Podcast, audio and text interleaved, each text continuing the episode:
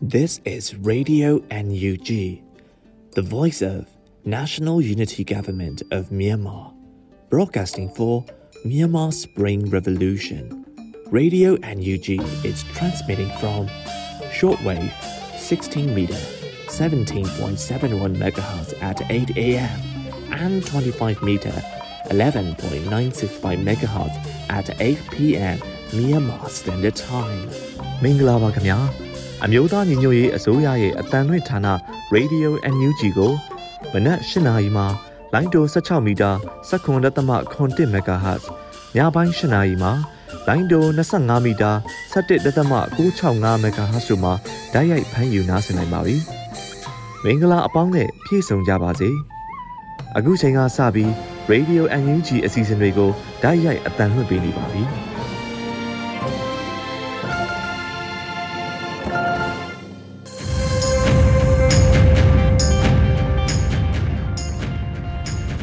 မြန်မာနိုင်ငံသူနိုင်ငံသားအပေါင်းတဘာဝပြီးဆရာနာရှင်ဘေးတို့ကနေကင်းဝေးပြီးကိုစိတ်နှပါစမ်းမလုံးခြုံပေးကင်းကြပါစေလို့ရေဒီယို UNG အဖွဲ့သားများကဆုတောင်းမေတ္တာပို့သလိုက်ရပါတယ်ရှင်။အခုချိန်ကစပြီးရေဒီယို UNG ရဲ့နောက်ဆုံးရသတင်းကြေးများကိုຫນွေဦးနှင်းစီကတင်ဆက်ပေးပါမယ်ရှင်။အခုချိန်ကစပြီးနောက်ဆုံးရသတင်းအချင်းကိုတင်ဆက်ပေးမှာဖြစ်ပါတယ်။ မြမစီးပွားရေးဦးပိုင်အများနဲ့သက်ဆိုင်သော company limited ကမြန်မာ brewery limited ကိုတရားရုံးရဲ့အမိန့်အရစည်ရင်ရှင်းလင်းဖြတ်သိမ်းဖို့မြန်မာနိုင်ငံ company များဥပဒေပုံမှ298စာလုံးအရတင်ပြလျှောက်ထားကြောင်းသိရှိရပါတယ်။ MEHP ဘက်ကပြီးခဲ့တဲ့တောက်ကြနေ့နိုဝင်ဘာလ19ရက်နေ့ကတရားရုံးကိုတင်ပြလျှောက်ထားခဲ့ပြီးလာမယ့်ဒီဇင်ဘာ10ရက်တောက်ကြနေ့မှာရန်ကုန်အနောက်ပိုင်းခရိုင်တရားရုံးတွင်နနက်10:00နာရီမှာစစ်ဆေးကြားနာသွားမှာဖြစ်ပါတယ်။ ကမ္ပဏီများဥပဒေအရမြန်မာဘရူဝါရီကိုဖျက်သိမ်းဖို့အမိန့်ထုတ်ပြန်ခြင်းအပေါ်ကန့်ကွက်မယ်ဆိုရင်အဆိုပါကမ္ပဏီရဲ့ကျွေးမြီကူညီပေးဆက်သူအစုအဖွဲ့ဝင်သူသို့မဟုတ်ကျွေးမြီရှင်တယောက်ယောက်ကကိုယ်တိုင်ဖြစ်စေ၎င်းရဲ့တရားလွှတ်တော်ရှေ့နေဖြစ်ဖြစ်စေမြန်မာနိုင်ငံကမ္ပဏီများနှီးဥပဒေနဲ့အညီဆောင်ရွက်ပြီးကြားနာမဲ့နေ့ရက်အချိန်မှာလာရောက်ဖို့ကြီးညာထားပါတယ် မြန်မာဘရူဝါရီကုမ္ပဏီကိုမြန်မာစီးပွားရေးဥပိုင်နဲ့ဂျပန်ဘီယာလုပ်ငန်းကျူရင်ဟိုတင်တို့ကဖက်ဆက်ပိုင်ဆိုင်တာဖြစ်ပြီးလွန်ခဲ့တဲ့2015ခုနှစ်မှာအမေရိကန်ဒေါ်လာ964သန်းနဲ့မြန်မာဘီယာနဲ့မန္တလေးဘီယာထုတ်လုပ်ငန်းရဲ့အစုရှယ်ယာအချို့ဝယ်ယူခဲ့ပြီးအဓိကရှယ်ယာရှင်လည်းဖြစ်ခဲ့ပါတယ်။သို့သောကီရင်ရဲ့ထုတ်ပြန်ချက်အရဖေဖော်ဝါရီလအပြောင်းအလဲနောက်ပိုင်းအမျက်ငွေရရှိမှုလျော့နေသွားခဲ့ရပြီးယခုနှစ် တတိယ3လပတ်မှာရရှိခဲ့တဲ့ယန်14.3ဘီလီယံဆိုရင်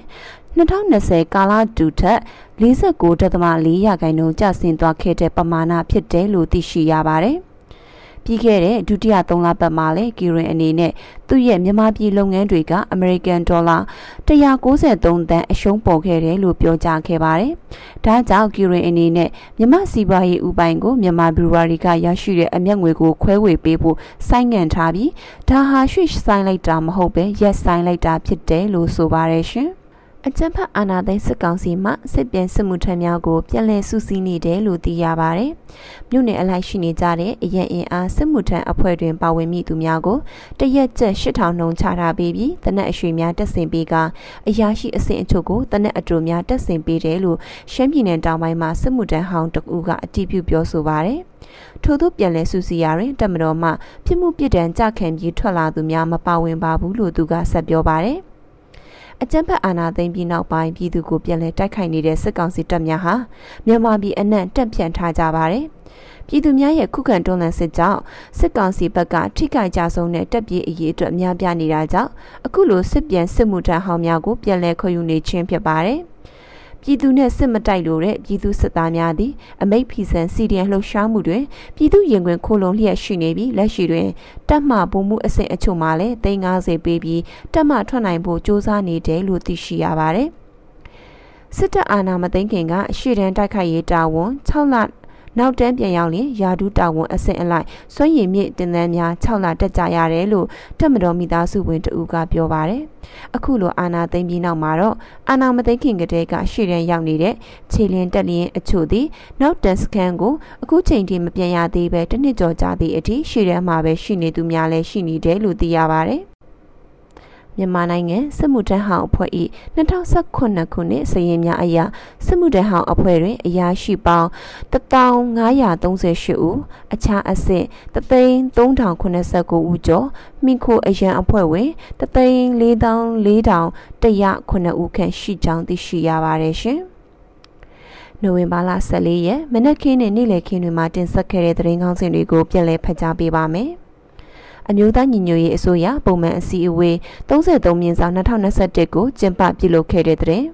။နှွေဦးတော်လှန်ရေးအထူးငွေတိုက်စာချုပ်ဟာဒေါ်လာ6.3တန်ဖိုးရောင်းချထားပြီးဖြစ်တဲ့တဲ့။စစ်ကောင်စီတပ်များကလိန်အကြမ်းဖက်မှုများမြင့်တက်လာမှုကြောင့်ကုလအနေနဲ့စိုးရိမ်မှုမြင့်တက်နေကြောင်းပြောရေးဆိုခွင့်ရှိသူကထုတ်ပြောလိုက်တဲ့တဲ့။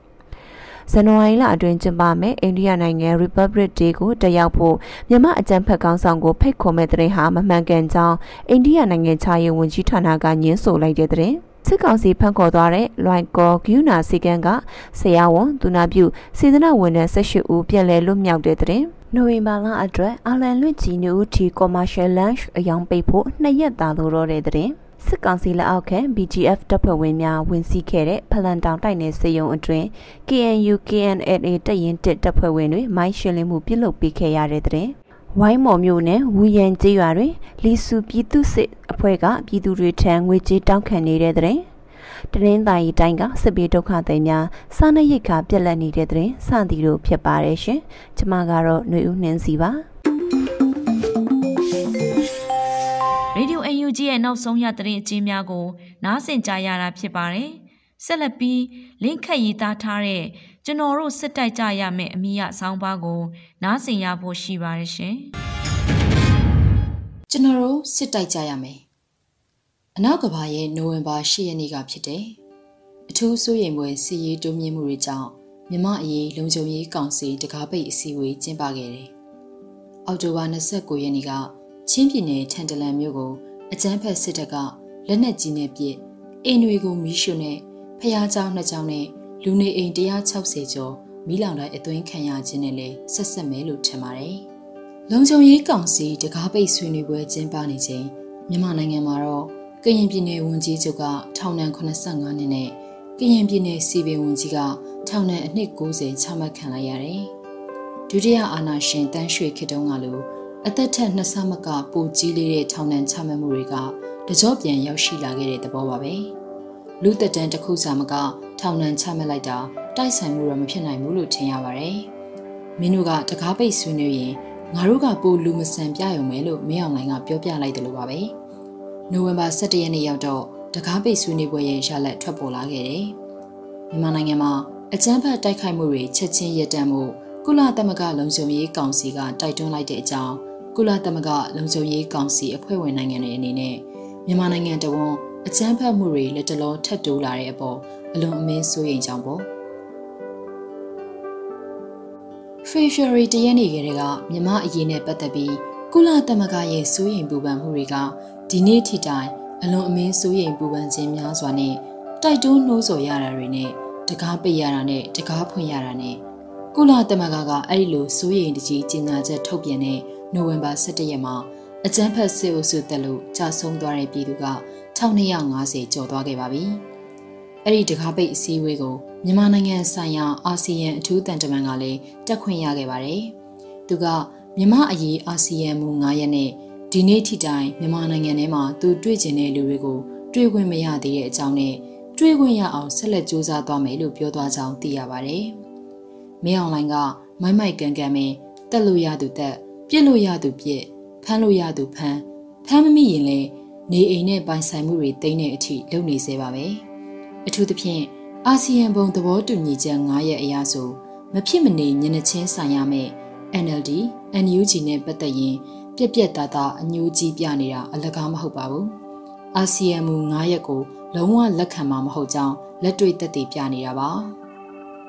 ဒါပေမဲ့အာဆီယံရောနိုင်ငံတကာအတိုင်းဝိုင်းကပါ အာဆီယံမူ9ရက်ကိုလက်ခံလာအောင်ဖိအားပေးခြင်းနည်းနဲ့တွားဖို့သာပြင်းပြကြပါတယ်။တဆင်ပြီးတဆင်စီးပွားရေးပိတ်မယ်။အာဏာရှင်ကိုအသက်ဆက်နိုင်မဲ့ရပေါက်ရလန်တွေကိုပိတ်မယ်။တဦးချင်းစီရဲ့နိုင်ငံခြားဗန်တွေထဲထည့်ထားတဲ့ငွေတွေကိုကန့်သက်မယ်။စေအုပ်စုကိုလူလူတူတူမဆက်ဆံတဲ့နည်းနဲ့ချိုးနိုင်မယ်။အဲ့ဒါဟာဒုတိယအာဏာရှင်တန်းရွှေလက်ထက်ကလေးက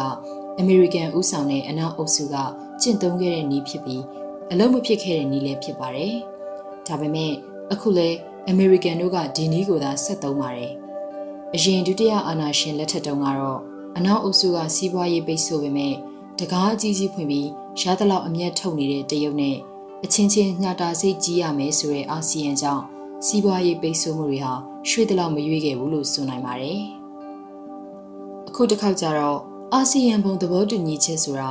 အနောက်အုပ်စုရောအရှိနဂါးကြီးပါအတီးပြုတ်ထားကြတာမို့ အရေးပါတဲ့နိုင်ငံတကာအတိုင်းဝိုင်းကပါစေအုပ်စုကိုလက်မခံတဲ့သဘောပါအာဆီယံဘုံသဘောတူညီချက်ဆိုတာ2020ရွေးကောက်ပွဲရလက်စီပြန်သွားခိုင်းတာဆိုတော့မင်းအောင်လှိုင်ရဲ့တည်ရည်တများများအိမ်မက်ဖြစ်တဲ့အရေးပေါ်ကာလ2023အထိတို့ရွေးကောက်ပွဲ PR စနစ်ပြောင်းရေးတို့ဒေါအောင်ဆန်းစုကြည်နဲ့ NLD မပါတဲ့မြန်မာနိုင်ငံရေးတို့ကျွန်တော်သာလင်ရှာသက်ပံခေါင်းမောင်းကြီးဖြစ်လို့ပါကြောင်းလို့နဲ့ဘလို့မှဆက်ဆက်လန်းလို့မရတဲ့ဟိုဘကန်နဲ့ဒီဘကန်ပါ ဒါပေမဲ့မင်းအောင်လှိုင်ဟာအခုဖီအားလောက်တော့ဂယုမဆိုင်တာသိကြပါတယ်အာဆီယံထိပ်သီးအစည်းအဝေးတက်ခွင့်မရတာဟာသွေးပူတုံခဏအရှက်ရပေမဲ့မတရားသိမ့်ပိုက်ထားတဲ့ထိပ်သီးအာဏာကိုထိပါနိုင်စွမ်းမရှိတဲ့အတွက်သွေးအေးတော့လေအေးဆေးပါပဲဆိုတော့မင်းအောင်လှိုင်ကထိပ်သီးအစည်းအဝေးတက်ခွင့်မရအောင်လုပ်ပြီးတဲ့နောက်မင်းတို့ဘာဆက်လုပ်မလဲလို့ခါထောက်ပြီးမေးခွန်းထုတ်လိုက်တယ်လို့ပါပဲလောလောဆယ်အနောက်ကဘာနဲ့ကုလသမဂ္ဂလှုပ်ချင်နေတဲ့စိတ်ကူကမြန်မာနိုင်ငံနဲ့ လူသားချင်းစာနာထောက်ထားမှုအကူအညီပေးချင်နေတာပါသူတို့ကလူသားချင်းစာနာမှုရှိကြောင်းကဘာကြီးကိုပြသချင်နေကြတာပါတကယ်တော့သူတို့ပေးနိုင်တဲ့လူသားချင်းစာနာမှုအကူအညီဆိုတာငက်နေပြက်နေတဲ့လူကိုထမင်းလေးတစ်နှစ်လောက်ကျွေးနိုင်တဲ့အဆင့်ထက်မပိုပါဘူးမြန်မာပြည်သူတွေအမှန်တကယ်လိုအပ်ပြီးအမှန်တကယ်ပြင်းပြင်းပြပြလိုချင်နေတာကထမင်းတစ်နှစ်မဟုတ်ပါဘူးတားစင်မျိုးဆက်ဝဝလင်လင်စားနိုင်တောက်နိုင်ပျော်နိုင်ပါနိုင်မဲ့အခွင့်အရေးပါအဲ့ဒီအခွင့်အရေးကိုရဖို့ဆိုတာ နှစ်ပေါင်းရှည်ကြာပြည်သူအပေါ်လူပါဝနေတဲ့စစ်အာဏာရှင်တွေကိုမြေလှန်နိုင်ရေးပါပဲအင်အားကြီးအမေရိကန်ကဖိအားပေးခြင်းလမ်းတစ်သွယ်အပြင်လူသားချင်းစာနာမှုအကူအညီပေးရေးလမ်းကြောင်းကနေတဆင့်ဆွေးနွေးအပြေရှာလမ်းကြောင်းပေါ်အထိချဲ့ထွင်နိုင်မလားဆိုပြီးစိတ်ကူးရင်ပုံလည်းရပါတယ်။ဒါကြောင့်အကြမ်းဖက်စေအုပ်စုနဲ့ဓာတ်ရိုက်ဆက်ဆံကြရမလို့ပဲထိတွေ့နိုင်တဲ့အမေရိကန်တပ်အမတ်ဟောင်း Bill Richardson ကနေတဆင့်ဆက်ဆံရေးလမ်းကြောင်းတစ်ကိုဖောက်လုပ်ခဲ့တာလည်းဖြစ်နိုင်ပါတယ်။ပြီးတော့ အမေရိကန်ပြောတဲ့ဒီမိုကရေစီစံနှုန်းဆိုတာတနက်ကင်ခြင်းနဲ့ဘာမှမဆိုင်ဘူးလို့လို့အတိတ်ပဲဖွင့်ဆိုခြင်းမလည်းရပါတယ်။တကယ်တော့ကုလသမဂ္ဂလမ်းကြောင်းကနေသွေးထွက်တန်ယုံမှုမပါဘဲထိရောက်တဲ့အရေးယူမှုတွေလုပ်ဖို့အခွင့်အရေးရှိပေမဲ့အခုအချိန်ထိတိုက်တွန်းနေစိုးရိမ်ပြနေုံနဲ့ပြီးနေတာမြမအရေးကိုကုလကတကယ်ရောစိတ်ဝင်စားရဲ့လားလို့မေးခွန်းထုတ်ရပါမယ်။ကုလသမဂ္ဂလိုပဲအမေရိကန်ရဲ့မြမအရေးလှုပ်အားဟာ ဒီနေ့အထိအားမပါသေးပါဘူး CDM စစ်သားနဲ့ရဲတို့ကို CDM လုပ်ပြီးတာနဲ့အနောက်ကဘာမှာခြေချခြင်းရင်မြန်မြန်နဲ့လွယ်လွယ်ခြေချခွင့်ပြုရဲလို့အာမခံချက်ပေးခဲ့ရင်တော့မင်းအောင်လှိုင်ရဲ့အဓိကထောက်တိုင်တွေမြန်မြန်ဆန်ဆန်ချိနေစီပြီးအာနာရှင်တွေကိုမြန်မြန်အမြင့်ဖြတ်နိုင်ရေးအတွက်တွန်းအားဖြစ်စေမှာပါမြမအရေးနဲ့ပတ်သက်ပြီးအမေရိကန်သွားနေတဲ့လမ်းကဖြည်းဖြည်းနဲ့မှန်မှန်ဖိအားပေးခြင်းနဲ့တန်တမန်လမ်းကြောင်းဖြစ်လေတော့ ကြာကျင်တဲ့လောက်အေးဆေးကြပါစေဆိုတာမျိုးလားလို့မေးရမလို့ပါပဲလက်ရှိမြမအရေးဟာစေအုပ်စုကလုံးဝအသာစီးရပြီးသူတို့ဖြစ်ချင်တယ်လို့ဖြစ်ခဲ့ရင်တော့အမေရိကန်ရဲ့နိုင်ငံကြီးဂုဏ်သိက္ခာကိုထိခိုက်စရာအကြောင်းမရှိပါဘူးမြန်မာပြည်သူတို့အတွက်ကတော့ဘလို့မှနလန်ပြန်မထူနိုင်တဲ့နိုင်ငံကလူမှန်းမသိရဲ့ဘဝနဲ့နောက်ထပ်နှစ်20မကကြအောင်ခေါင်းငိုက်ဆိုင်ချသွားရတော့မှာပါမြန်မာနဲ့အိမ်ကြီးချင်းတရုတ်ကြတော့လေစေအုပ်စုကိုအစိုးရတရက်အနေနဲ့ဆက်ဆံမယ် အာဆီယံမူ၅ချက်ကိုလက်ခံလာအောင်တန်တမန်နီးလန်းနဲ့အတွင်းကပ်ဖိအားပေးမယ်ဆိုတဲ့လမ်းမှာအာဆီယံဘုတ်သဘောတူညီချက်၅ရက်ကိုတရုတ်ကဘာလို့လက်ခံလိုက်လဲဆိုတော့အာဏာရှင်တွေသာတိုင်းပြည်ကိုအတ္တမဆက်သိမ့်ပိုက်ထားမယ်ဆိုရင်မြန်မာနိုင်ငံတွင်ဘလို့မှတည်ငြိမ်မှုရှိရမှာမဟုတ်ဘူးလို့သဘောပေါက်လာတာကြောင့်ပါဘေးအိမ်မှာလောင်နေတဲ့မိကအနည်းနဲ့အများဆိုသလိုတရုတ်စီကူးဆက်လာမှသိကြသလိုမီးလောင်နေတဲ့အိမ်ထဲမှာတရုတ်ရင်းနှီးမြုပ်နှံမှုတွေနင့်နေအောင်တည်ရှိနေခြင်းနဲ့ အနာဂတ်မှာစက်မျှော်လင့်စရာအကျိုးစီးပွားတွေရှိနေတာကြောင့်ပါပဲဒါကြောင့်မြန်မာနိုင်ငံတည်ငြိမ်ရေးအတွက်2020ရွေးကောက်ပွဲရလက်စီပြန်သွားရေးကိုတရုတ်ကအတီးပြုတ်ထားတယ်ဆိုပေမဲ့စစ်အုပ်စုကသာအလေးတာလာရင်တရုတ်ရဲ့ရည်တည်ချက်ကချက်ချင်းပြောင်းသွားနိုင်ပါတယ်။ပြောရရင်နိုင်ငံတကာရဲ့မြမအရေးစဉ်းစားကန်းက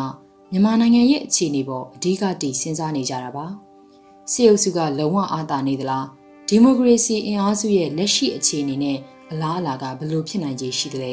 အဲ့ဒီအပေါ်အခြေခံပါတယ်။ကျွန်တော်တို့ဒီမိုကရေစီအင်အားစုရဲ့အခမ်းအနားဆုံးအားသာချက်ကမြို့များစွာမှာမြို့ပြပျောက်ကြားတိုက်ပွဲတွေကိုအောင်မြင်စွာဆင်နွှဲနေနိုင်ခြင်းပါပဲပထမနဲ့ဒုတိယအာဏာရှင်လက်ထက်တုန်းက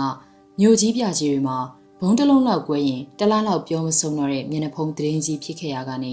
အခုတော့ဘုံကွဲတယ်ဆိုတာပွင့်လင်းရာသီမှာပြောက်အိုးဖောက်တလောက်အဆင့်ကိုရောက်လို့နေပါပြီ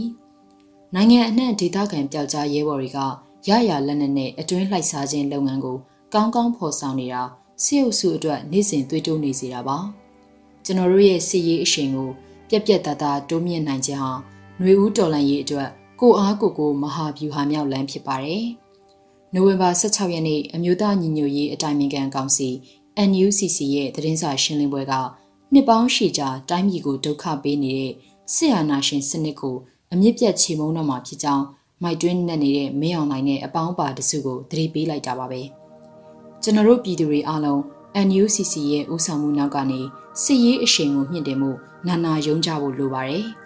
စစ်ဆိုတာကျွန်တော်တို့ပြည်သူတွေရွေးချယ်ခဲ့တာမဟုတ်ပါဘူး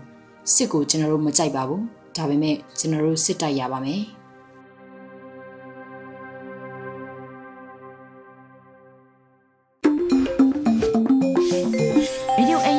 ဆက်လက်တန်လွှင့်နေပါတယ်။အခုဆက်လက်နားဆင်ရဖို့ရှိရာက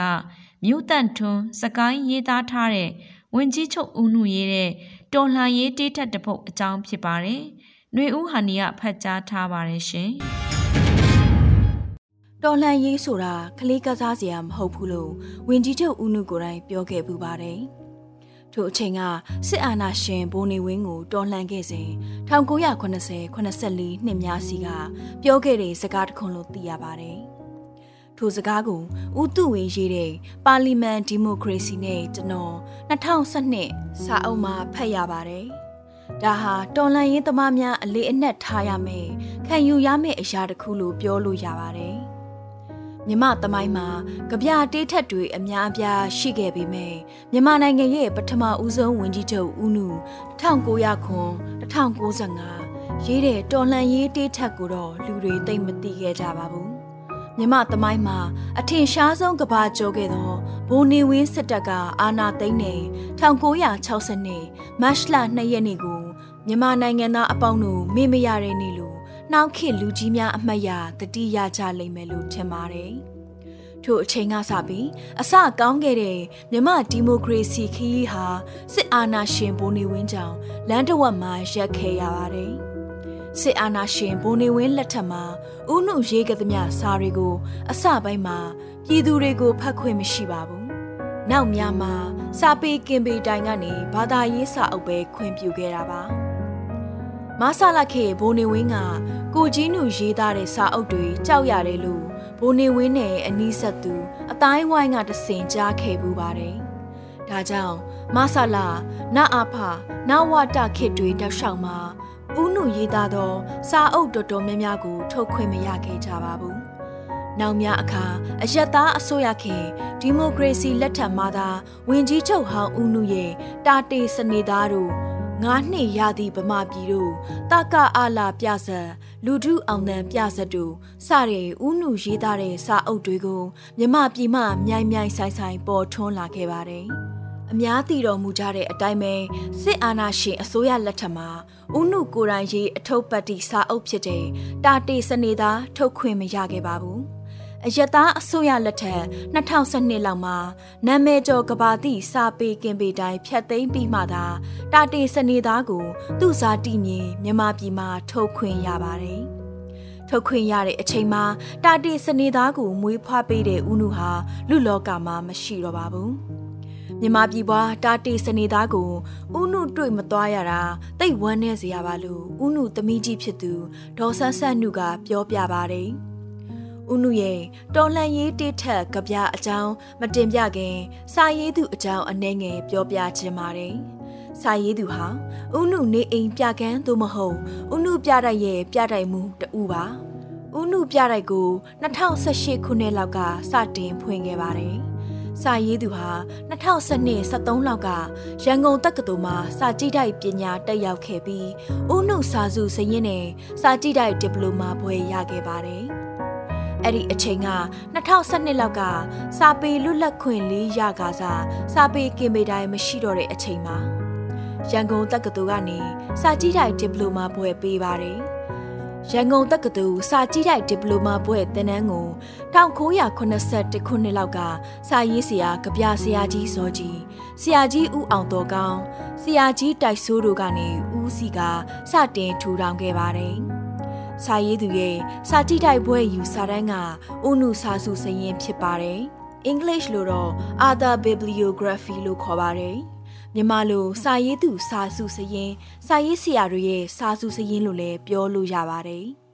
စာရေးသူပြုစုတဲ့ဦးနုစာစုစရင်မှာတော့ကဘာကျော်စာရေးဆရာကြီးဦးနုကိုတိုင်ရေးသားခဲ့သောတိထက်ကဗျာပုံမြင်ပြဆက်ဆောင်းပါဝိထုစတဲ့ပုံနေပြီးသားစာများနဲ့အခြားစာရေးဆရာတွေရဲ့ဝေဖန်ရေးစာချီးမွမ်းစာစတဲ့စာတွေကိုအထူးပြုလေ့လာမှတ်တမ်းတင်ပြုစုရပါတယ်။ လွယ်တဲ့ကိစ္စတော့မဟုတ်စာတန်းပြုစုအချိန်တိုလေးအတွင်းမှာစာကြည့်တိုက်တွေသွားရှာဖတ်မှတ်လေ့လာရတဲ့အလုပ်ဖြစ်ပါတယ်။ဦးနုစာစုစရင်ကိုခေအဆက်ဆက်လုပ်ဖို့စ조사တော့လဲမအောင်မြင်ခဲ့ဘူးလို့တက္ကသိုလ်များဗဟိုစာကြည့်တိုက်မှုဆရာဦးတော်ကောင်းကဝမ်းနည်းစွာနဲ့ပြောပြပူပါတယ်။ဆရာဦးတော်ကောင်းထပ်ပြောတာက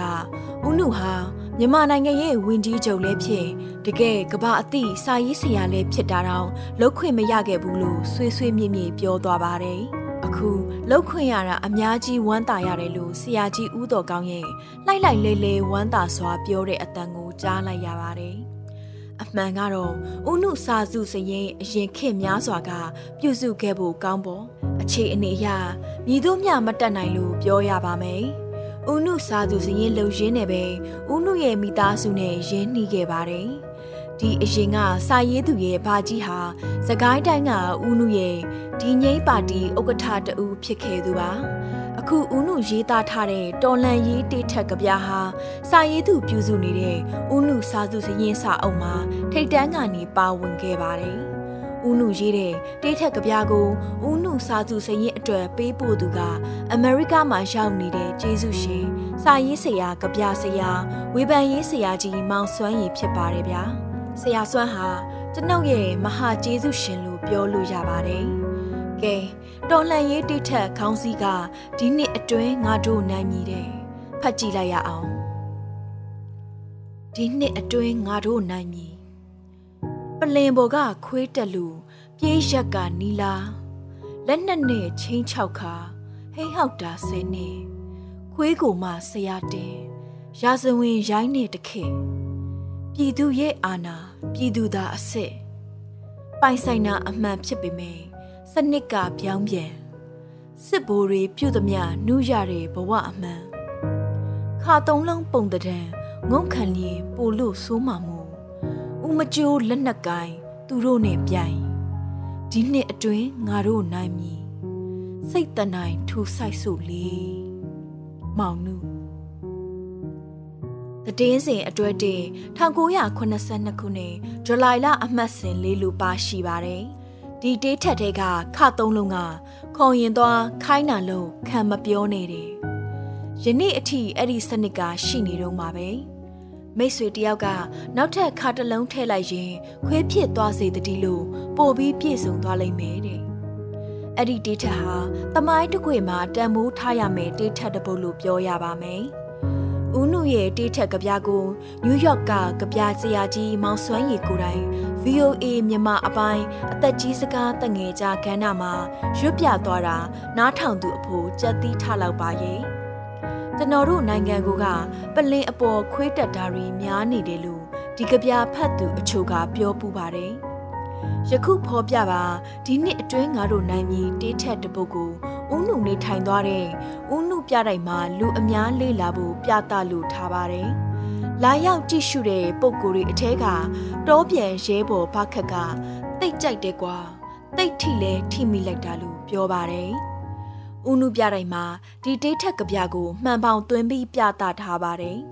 ပြတဲ့ကိုလာရောက်ကြတဲ့ပြည်သူလူထုတွေကဖတ်ပြီးတိတ်သဘောကျအံ့ဩနေကြပါတယ်။အခုမှတွေ့မြင်ဘူးတာကိုအချို့ကတေးထက်ကဗျာမှန်ပေါင်သွင်းပြီးကတ်ထားတဲ့နေရာမှာသူတို့လက်ရင်းနဲ့ကူးသူကကူးဖုန်းနဲ့ရိုက်သူကရိုက်နေပြထိုက်ဖွင့်နေနေမှာလူအစီကားဆုံးနေရလေးဖြစ်နေပါတယ်။ဒဒီတေးထက်ဖတ်သူအပေါင်းကဤတေးထက်ကိုကဘာပြန့်ဖို့စူးစမ်းကြပါလို့တိုက်တွန်းကြတာကို တွေ့ရပါတယ်။ ဗိုလ်ချုပ်အောင်ဆန်းဦးနုဦးတန်တို့ចောင်းသားဘဝကလေးကတေးထက်ကဗျာတွေရေးသားခဲ့ကြပါတယ်။ဦးနုဟာတက္ကသိုလ်ចောင်းသားဘဝကလေးကနေထက်ចောင်းအုပ်ကြီးစလော့ကိုတေးထက်ရေးပြီးဆဲခဲ့ကြတယ်။အင်္ဂလိပ်လိုစွမ်းနက်ကပြတွေရေးပြီးဆဲခဲ့တွေ့ခဲ့ကြတယ်လို့အန်တီဆန်ဒေါ်ဆက်ဆက်နုကပြောခဲ့ပူပါတယ်။ ဟိုတုန်းကသူ့အိမ်မှာကျောင်းအုပ်ကြီးမစ္စတာစလော့ကိုအင်္ဂလိပ်လိုဆဲတဲ့စာရွက်အရှိကြီးတွေရှိတယ်တဲ့။နောက်ကြတော့ပျောက်ပြက်ကုန်ပါရော။အိုးနှမျောစရာကောင်းလိုက်တာ။အခုချိန်ရှိရင်ဦးနုနေအိမ်ပြခန်းလေးမှာအများသူငါကြည့်ရှုခွင့်ရကြမှာအေကံမလွဲပါ။ တော်လန်ရေးဟာအောင်မြင်သည်ဖြစ်စေမအောင်မြင်သည်ဖြစ်စေတစ်ချိန်ကမြမသမိုင်းမှာစစ်အာဏာရှင်ဘိုးနေဝင်းကိုဦးနုရဲ့ကလောင်အစွမ်းနဲ့တော်လှန်ခဲ့တယ်ဆိုတာသမိုင်းတင်ရစ်စေခြင်းပါတယ်မြန်မာနိုင်ငံရဲ့ပထမဦးဆုံးဝင်ကြီးချုပ်ဦးနုရဲ့စာပေများကဘာသူပြန့်နှံ့ရောက်ရှိပါစေလို့ဆုတောင်းလိုက်ရပါတယ်ဆိုတဲ့အကြောင်းကို တင်ဆက်ပေးလိုက်ရပါတယ်ရှင်။ Radio UNG မှဆက်လက်တန်လှည့်နေပါတယ်။ Spring Revolution တခြင်းတပုတ်ကိုခန်းစားရေးရင်ကြဖို့တင်ဆက်ပေးပါမယ်ရှင်။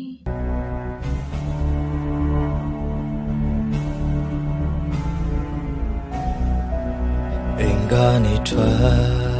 ကြောက်စိတ်တွေရဲ့မာနေပြီသားတို့ရေသမီးတို့ရေကယူဆိုင်ပါအတွက်လန်ထွန်းနေလေ မြမပြေမှာခွေးမျိုးတွေမျိုးတုံအောင်တိုက်ခိုက်နေတယ်ငါတို့လေ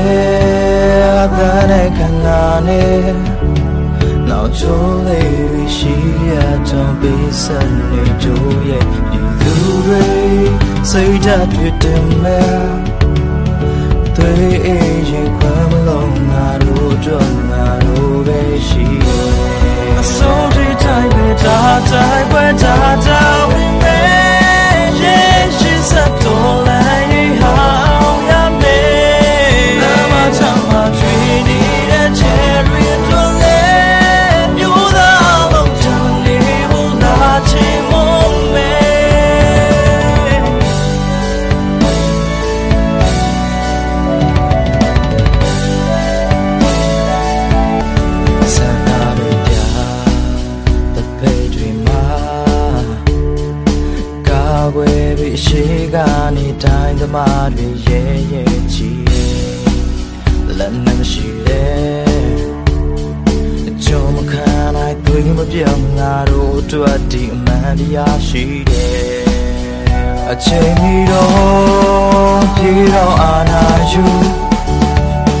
ရားမဲ့ကတိုင်းဖြစ်နေတာမေးတော့တာအမေရပါအော်ကျွေးတော့ပြည်သူက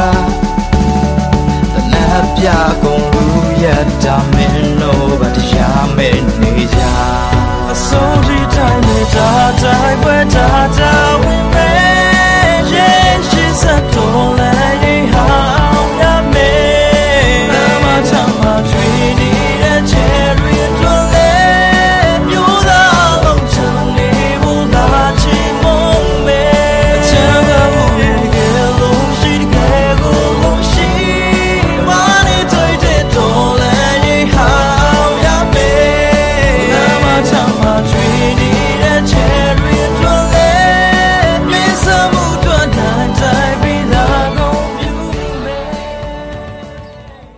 ဒီကနေ့တော့ဒီညနေပဲ